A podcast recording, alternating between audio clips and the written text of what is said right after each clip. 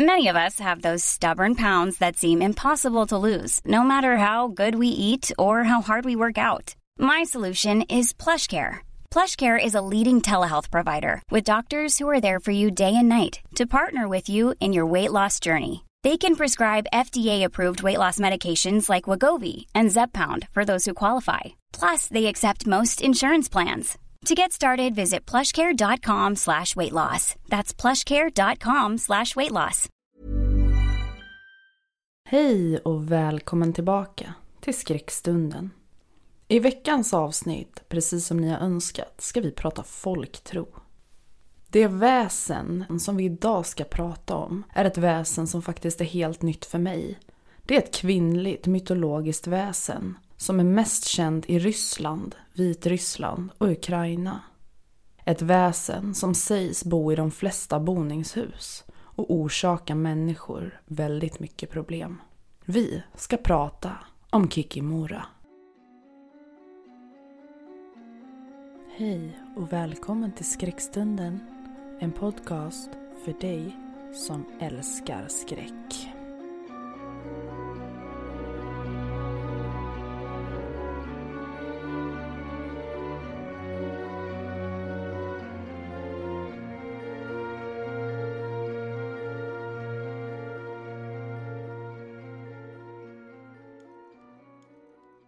Kikimora är som sagt ett kvinnligt mytologiskt väsen från den slaviska mytologin.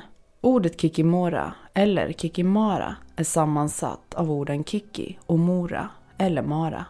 Kiki är ett uråldrigt baltslaviskt ord som betyder krokig eller puckelryggig och mor eller mora är ett slaviskt ord som betyder död.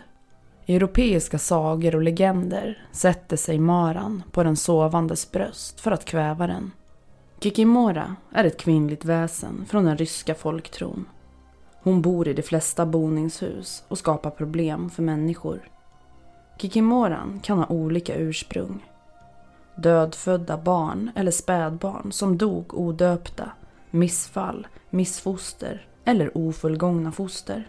Barn som blivit förbannade av sina föräldrar och blivit bortbytta av onda krafter.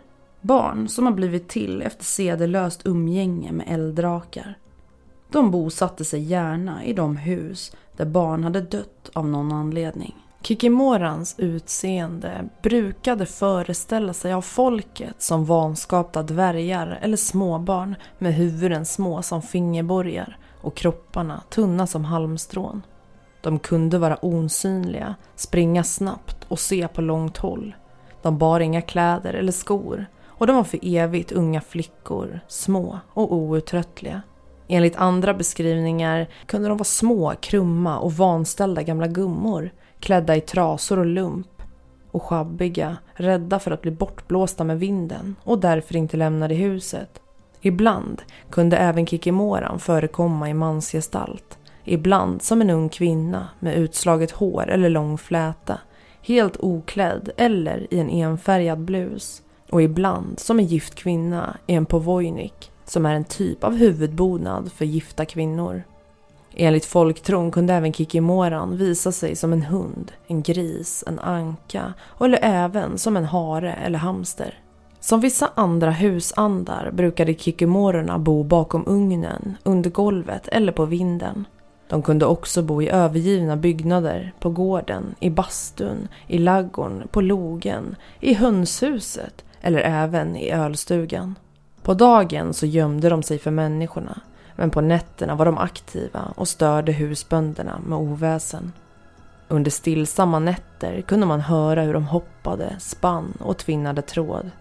De kunde spinna klart tråden men inte från vänster till höger utan tvärtom men oftast hade de av och smutsade ner tråden, brände det häcklade linet, trasslade till ullen som hade lämnats utan att välsignas. De sydde dåligt, kikimorornas stygn var oregelbundna och ojämna. Du ska nu få höra berättelsen I dödens skugga skriven av författaren Marielle Jonasson och tagen ur antologin Folktro utgiven av Miramir förlag. Nu sätter vi igång i dödens skugga. Can you see me? Hello? Can you find me? I'm here. I'm behind you. I am right behind you. Huset låg tyst och mörkt i slutet på gatan. Jesper körde in på den lilla grusvägen som ledde upp till villan i vitt tegel. Inte en lampa var tänd. Inte heller någon form av livstecken inifrån kunde märkas av. Dunklet kring bostaden löstes upp av ett vitt täcke nyfallen snö som knarrade under skorna när han gick den lilla biten från bilen till porten. Spår i snön skvallrade om besök från någon som han dock inte kunde avgöra vem eller var det var ifrån. Efter dagens arbetspass orkade han inte ens lägga energi på att fundera vidare på det utan gick som hastigast förbi. Framför dörren låg ett paket som han omedvetet plockade med sig när han klev in i farstun som till synes stod lika orörd som när han åkte hemifrån på morgonen.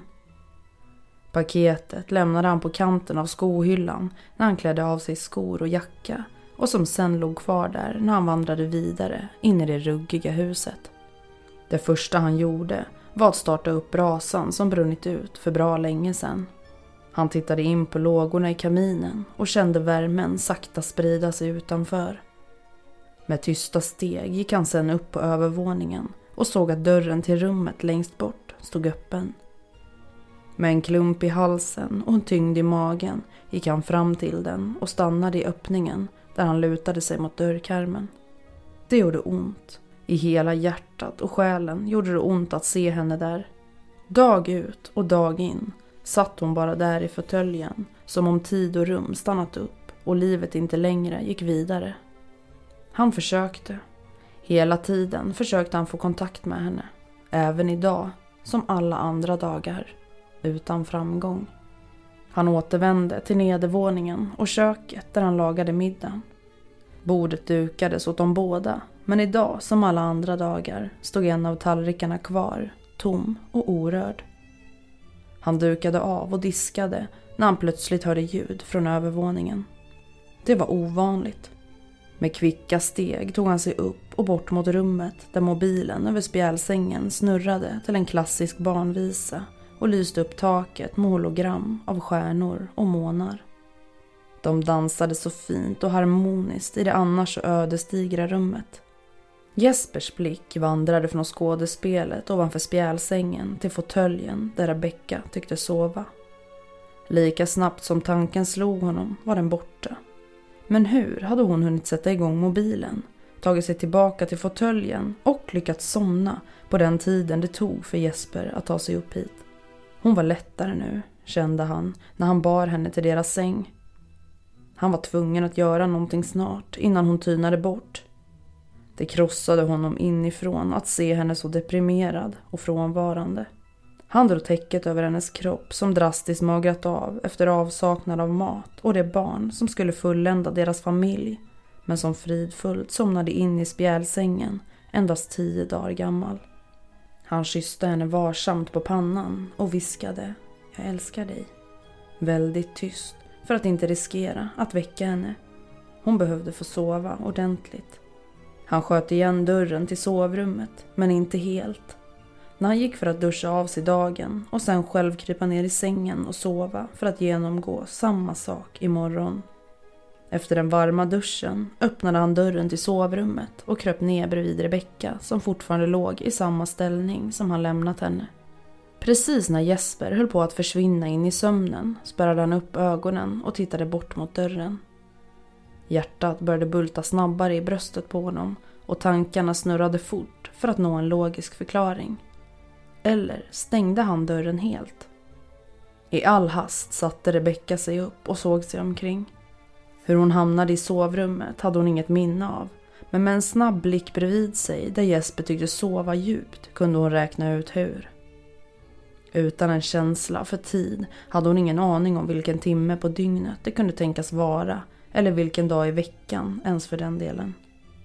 Hjärtslagen accelererade och tankarna började snurra. Med en hastig rörelse kastade hon av sig täcket och skyndade ut från sovrummet. Hon stod stilla och tittade mot rummet längst bort men såg det knappt på grund av mörkret som omslöt henne. Det fanns en känsla av närvaro. Som att hon inte var själv. Som att någon därifrån tittade på henne. En plötslig rörelse i periferin fick Rebecka att släppa blicken. Hon tittade in i sovrummet och såg Jesper ändra sovställning. Avundsjukan rev i henne. Trots allt det här kan han bara släppa och göra allt precis som han gjorde tidigare. Som om ingenting var förändrat. Som om ett barns liv, deras barns liv, inte spelat någon roll. Blicken av avund förändrades till en blick av irritation och nästan avsky. Hur han kunde vara så känslokall var för henne helt absurt. En knipande känsla och ett gurglande läte från magen meddelade återigen om hennes hunger. En hunger hon inte kunde stilla, för allt gjorde henne illamående. Med tysta steg gick hon i alla fall ner till köket för att dricka lite vatten. Hon tog med sig glaset in i vardagsrummet där glöden i braskaminen höll på att dö ut. Hon satte sig på kanten av schäslongen och tittade på eldens liv som sakta försvann. Precis som hennes egen livsgnista. Som om barnet var den sista vedklabben som fick lågan att brinna och nu var den borta. När hon skulle ställa ifrån sig glaset på bordet såg hon ett paket där. Hon tog upp det och hittade inte att det var adresserat till någon. Paketet var lätt, som att det var tomt. Egentligen var hon inte nyfiken och hon hade inget behov av att veta vad som fanns i. Men ändå öppnade hon det, som att hon inte styrde sina egna händer. Ur kartongen plockade hon upp en docka. En tygdocka i vit klänning med hår gjort av brunt garn och fördjupningar i kinderna så att det såg ut som att den log fast den var helt ansiktslös. Den var inte välsydd. Stygnen var oregelbundna och ojämna. Rebecka betraktade den skeptiskt. Hey, it's Ryan Reynolds and I'm here with Keith, co-star of my upcoming film If, only in theaters May 17th. Do you want to tell people the big news? All right, I'll do it. Sign up now and you'll get unlimited for $15 a month in six months of Paramount Plus Essential Plan on us. Mintmobile.com slash switch. Upfront payment of $45 equivalent to $15 per month. Unlimited over 40 gigabytes per month. Face lower speeds. Videos at 480p. Active Mint customers by 531.24 get six months of Paramount Plus Essential Plan. Auto renews after six months. Offer ends May 31st, 2024. Separate Paramount Plus registration required. Terms and conditions apply if rated PG. If you're looking for plump lips that last, you need to know about Juvederm lip fillers. With Juvederm Volbella XC and Juvederm Ultra XC, your lip look, whether it's subtle or bold, can last up to one full year with optimal treatment and no additional maintenance. Find a licensed specialist and see if it's right for you at juvederm.com today. That's J U V E D E R M.com. Add fullness to lips in adults over 21 with Juvederm Volbella XC or Juvederm Ultra XC. Do not use if you have severe allergies or a history of severe allergic reactions, or if you're allergic to lidocaine or the proteins used in Juvederm. Tell your doctor if you have a history of scarring or taking medicines that decrease the body's immune response or that can prolong bleeding. Common side effects include injection site redness, swelling, pain, tenderness, firmness, lumps, bumps, bruising, discoloration, or itching. As with all fillers, there's a rare risk of unintentional injection into a blood vessel, which can cause vision abnormalities, blindness, stroke, temporary scabs, or scarring. For full important safety information, visit juvederm.com. och fick en ryslig känsla av att hålla i den. Så hon la tillbaka den i kartongen och placerade den åter på bordet. Hon gick upp till fåtöljen i barnrummet där hon slumrade till. Motorn på bilen fick Rebecka att vakna till. Det var fortfarande mörkt ute. Hon reste sig och gick fram till fönstret. I grannarnas fönster lös ljusstakar som informerade om den stundande julens ankomst. Rebecka fnös åt det. Hon kände ingen glädje och det fanns verkligen inget att fira så hon vände fönstret ryggen. Med andan i halsen och accelererande hjärtslag såg hon till sin fasa den rysliga tygdockan sitta i spjälsängen. Chocken la sig och förändrades snabbt till ilska mot Jesper. Hur han kunde sätta en sån skapelse i deras barns spjälsäng var för henne helt obegripligt. Hon tog dockan och spatserade demonstrativt ner i köket och kastade den i soporna. Den har ingen plats i detta hus, tänkte hon och drämde igen soplådan som sakta gled igen. Några tårar rann sakta ner för hennes kinder när hon återvände till sin plats i fåtöljen och nästan hörde sitt barns första gnyende läten. En saknad som gjorde så ont så att hon nästan hörde honom gråta med henne. Hon grät för att hon visste att han inte skulle komma tillbaka. Hur mycket hon än hoppades, bad och önskade skulle hålet i hennes hjärta förbli. I huvudet hörde hon ekot av Jespers Vi försöker igen. Hon ville inte försöka igen. Hon ville inte ha någon annan. Det enda hon ville var att ha sitt barn i famnen igen. Tiden gick, som alltid, och Jesper återvände hem igen. Någonstans inom sig önskade hon bara att han kunde hålla sig borta. Han tycktes inte förstå det här. Han tycktes inte bry sig eftersom han bara kunde fortsätta leva sitt fantastiska liv. Jesper tittade mot huset. Det kändes nästan inte som ett hem längre. Han klev ur bilen och trampade på det avtryck i snön som fanns på uppfarten. Uppmärksammade inte att de även ledde mot dörren utan stannade där. Han klev in som på rutin, tände brasan och kollade till Rebecka. Han ville av hela sitt hjärta bara krama om henne och be henne komma tillbaka. Men istället lagade han middag som återigen förtärdes i ensamhet. Dagarna flöt samman men ändå kändes det som allt för lång tid hade gått och sorgearbetet förstört mer än det läkt. Jesper satt i soffan när han hörde hur Rebecka skrek rakt ut på övervåningen. På ofattbart kort tid var han vid hennes sida. Han försökte hålla om henne och trösta men hon bara slog mot honom och undrade hur han kunde göra så mot henne. I ren ilska skrek hon åt honom att ta sina saker och dra och att lämna henne i fred. Ta din äckliga docka med dig. Hon kastade trasdockan på honom och han såg på henne med frågande blick. Efter en stunds försök till resonemang gav han upp. Jesper packade en väska och lämnade huset och en gråtande Rebecka bakom sig. Han körde iväg och vände om. Fast ångrade sig och fortsatte en bit för att sen vända om en bit igen och höll på så i bra många timmar. Rebecka låg förtvivlad i sin säng och tänkte hur orättvist livet kunde vara. Någonstans i huvudvärken, nästäppan och de rinnande tårarna lyckades hon ändå somna men vaknade snart av ett hjärtskärande barnskrik.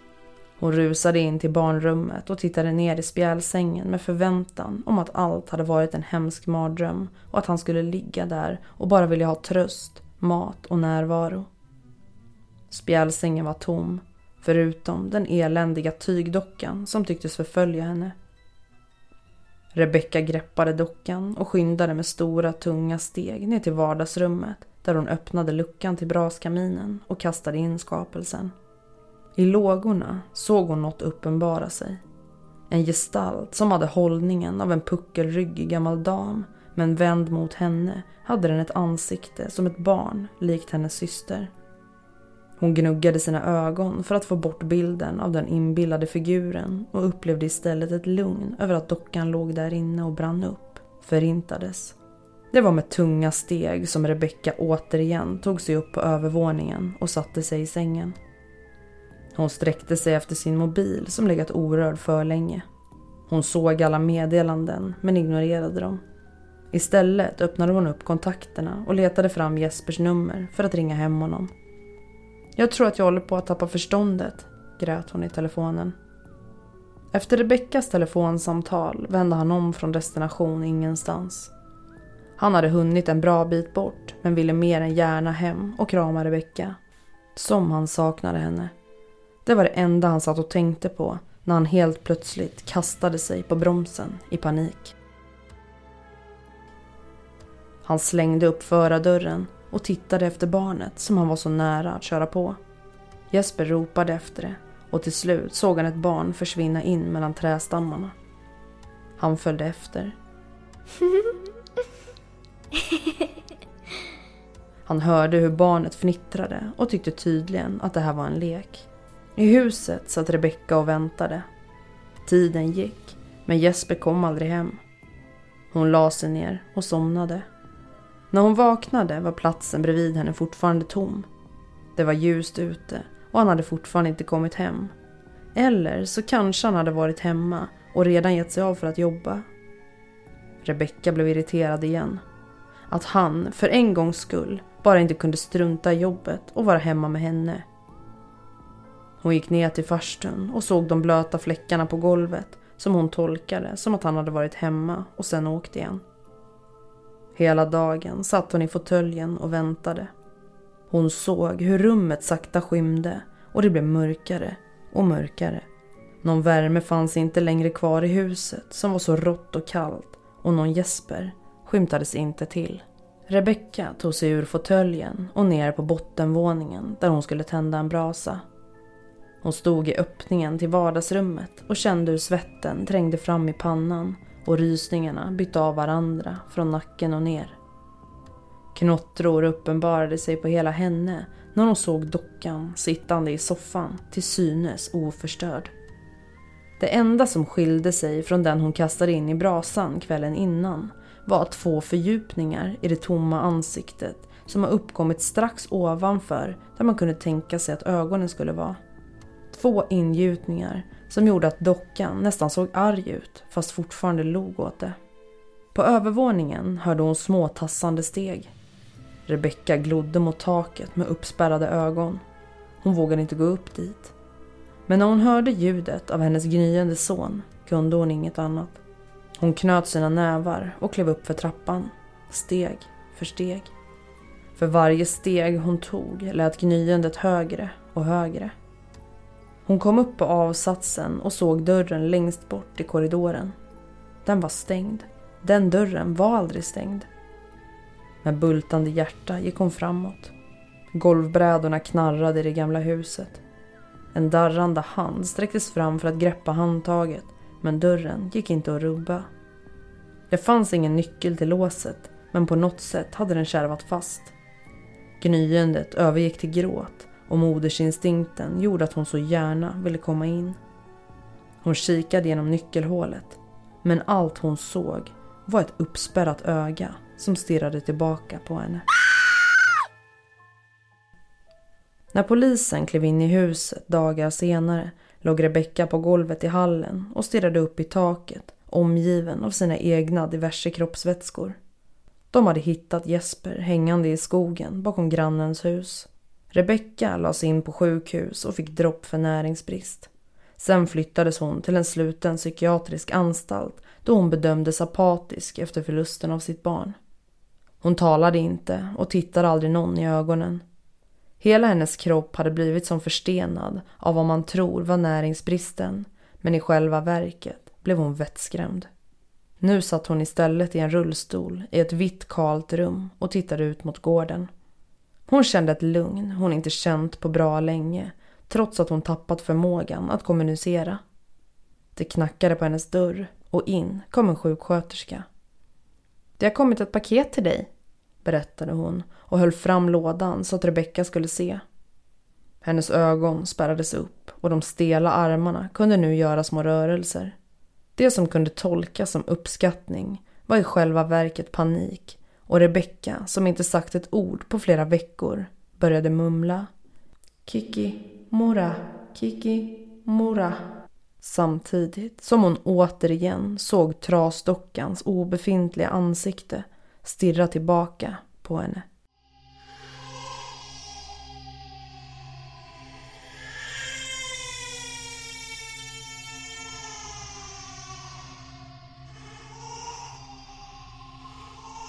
Du har hört I dödens skugga, skriven av författaren Marielle Jonasson. Kikimora är ett väsen som var helt nytt för mig. Och berätta gärna om du hade hört talas om det här väsendet innan. Som vanligt, och som jag alltid brukar säga, glöm inte att gå in på mina sociala medier och följ mig där. Både på Instagram, där jag heter Skräckstunden, men även i Skräckstunden Eftersnack på Facebook. Alla länkar till mina sociala medier finns i avsnittsbeskrivningen under avsnittet. Och om du har varit med om någonting som du vill dela med dig av som har varit lite extra skrämmande så får du gärna skicka ett mail till mig. Min mailadress står också i avsnittsbeskrivningen. Glöm inte att du också gärna får gå in och ge podden en recension. Det skulle göra mig jätteglad och det hjälper podden framåt. Tack så jättemycket för att du har lyssnat. Vi hörs igen nästa vecka i dina lurar. Du har lyssnat på Skräckstunden.